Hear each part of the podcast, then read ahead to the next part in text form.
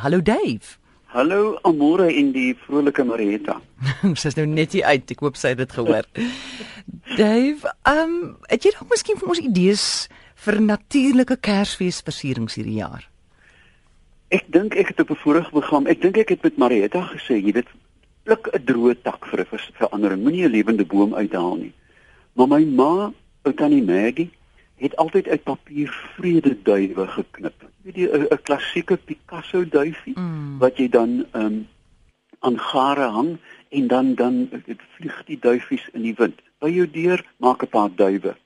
Dan natuurlik almal weet van die ou dennebol, jy weet, ons hoef hom nie noodwendig met glinster goud en glinster silwer te beplak nie, maar ons kan hom wit spuit of 'n kleur spuit en dit maak 'n pragtige multidimensionele klein hangertjie.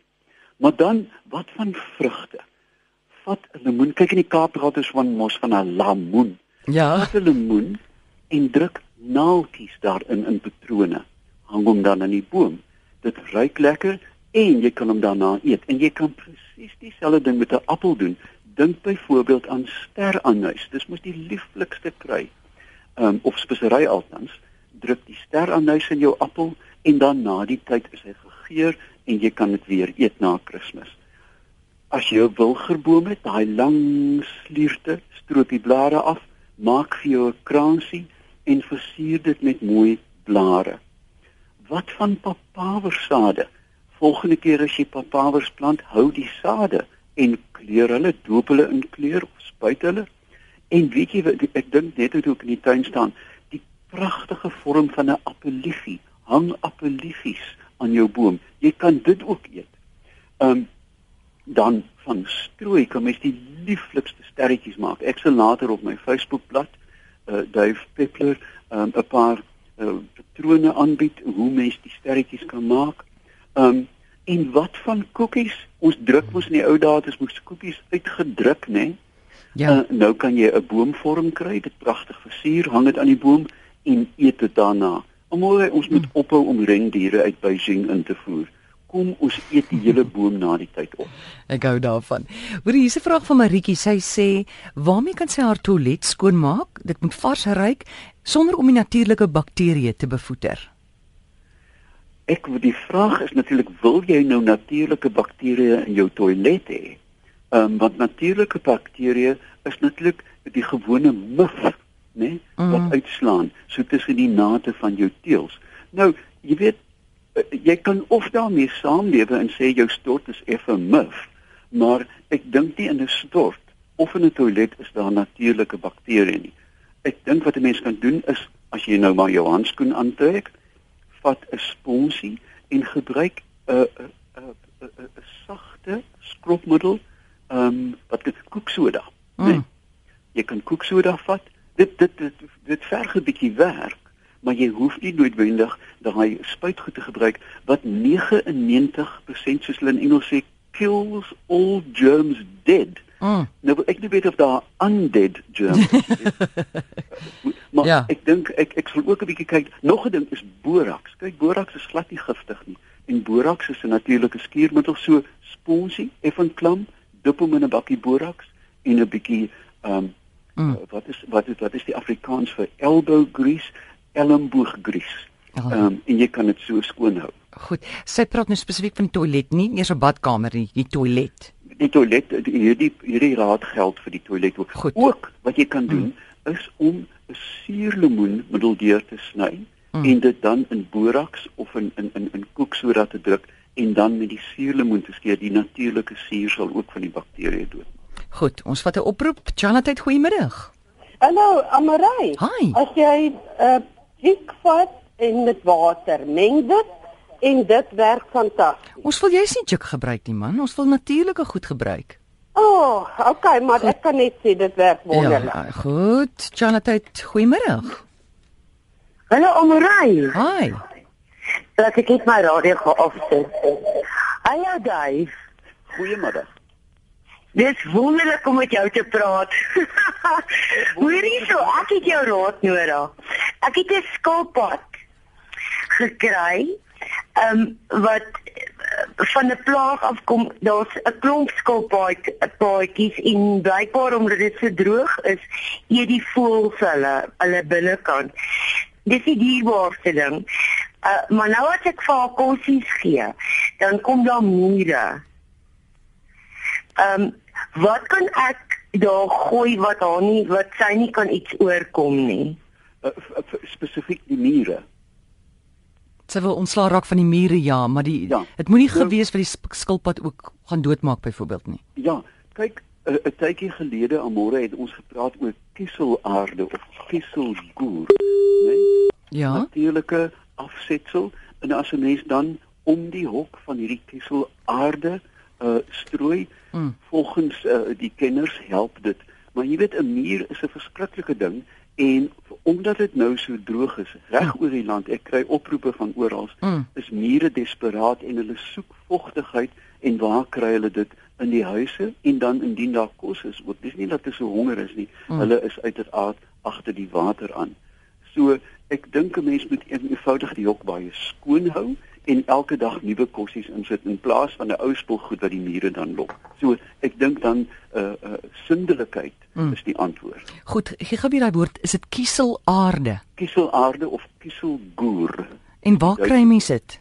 ekskuus En waar kry mens dit? Man ek op 'n rak erns, maar ek kan nie vir jou presies Ja. sê waar nie. Ek kan 'n bietjie navorsing doen. So uh, kieselaarde, dis een woord, né? Nee? Ja. En en wat is dit sê jy? Dit is diatome. Dit is die reste van diatome wat in in in in in oersee geleef het en toe afgesak het en 'n laag gevorm is. Gewoonlik wit, dit lyk na Mm. kruit. Ja. En en dit sal mure afskrik sê jy. Ja, dit is heeltemal neutraal. Jy weet Ja. daar is geen ge- dit is dis eintlik silika en Mm. dit irriteer glo die mure. Ek weet nie, ek is nie 'n 'n Mm. insektekundige nie, 'n entomoloog nie, maar volgens meeste kenners help dit wel as jy 'n 'n- so 'n lyntjie van kieselaarde om die die hokkie sal strooi. Goed. Charlotte, goeiemôre. Middag, Hi. Amorey. Middag. Die beste is om jou teel skoon te maak as syn. Goed. Skoon as syn. Jy sit dit op, laat dit vir so 'n minuut of 2, vat sommer jou gewone besem, vry vry vry, jy sal sien hoe kom die vuil goed af. baie dankie. teels, voetjies, alles. En asyn hou ook mure weg.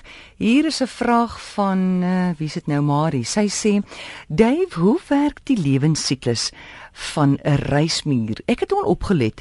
Nadat hulle hulle vlerke verloor het, maak hulle gaatjies in die grond en dan kruip hulle daarin. Wat gebeur dan daarna? Aha. Kyk, reismure of termiete lewe in 'n ge gemeenskaplike Eugene Moret het mos daarvan, die siel van die muur.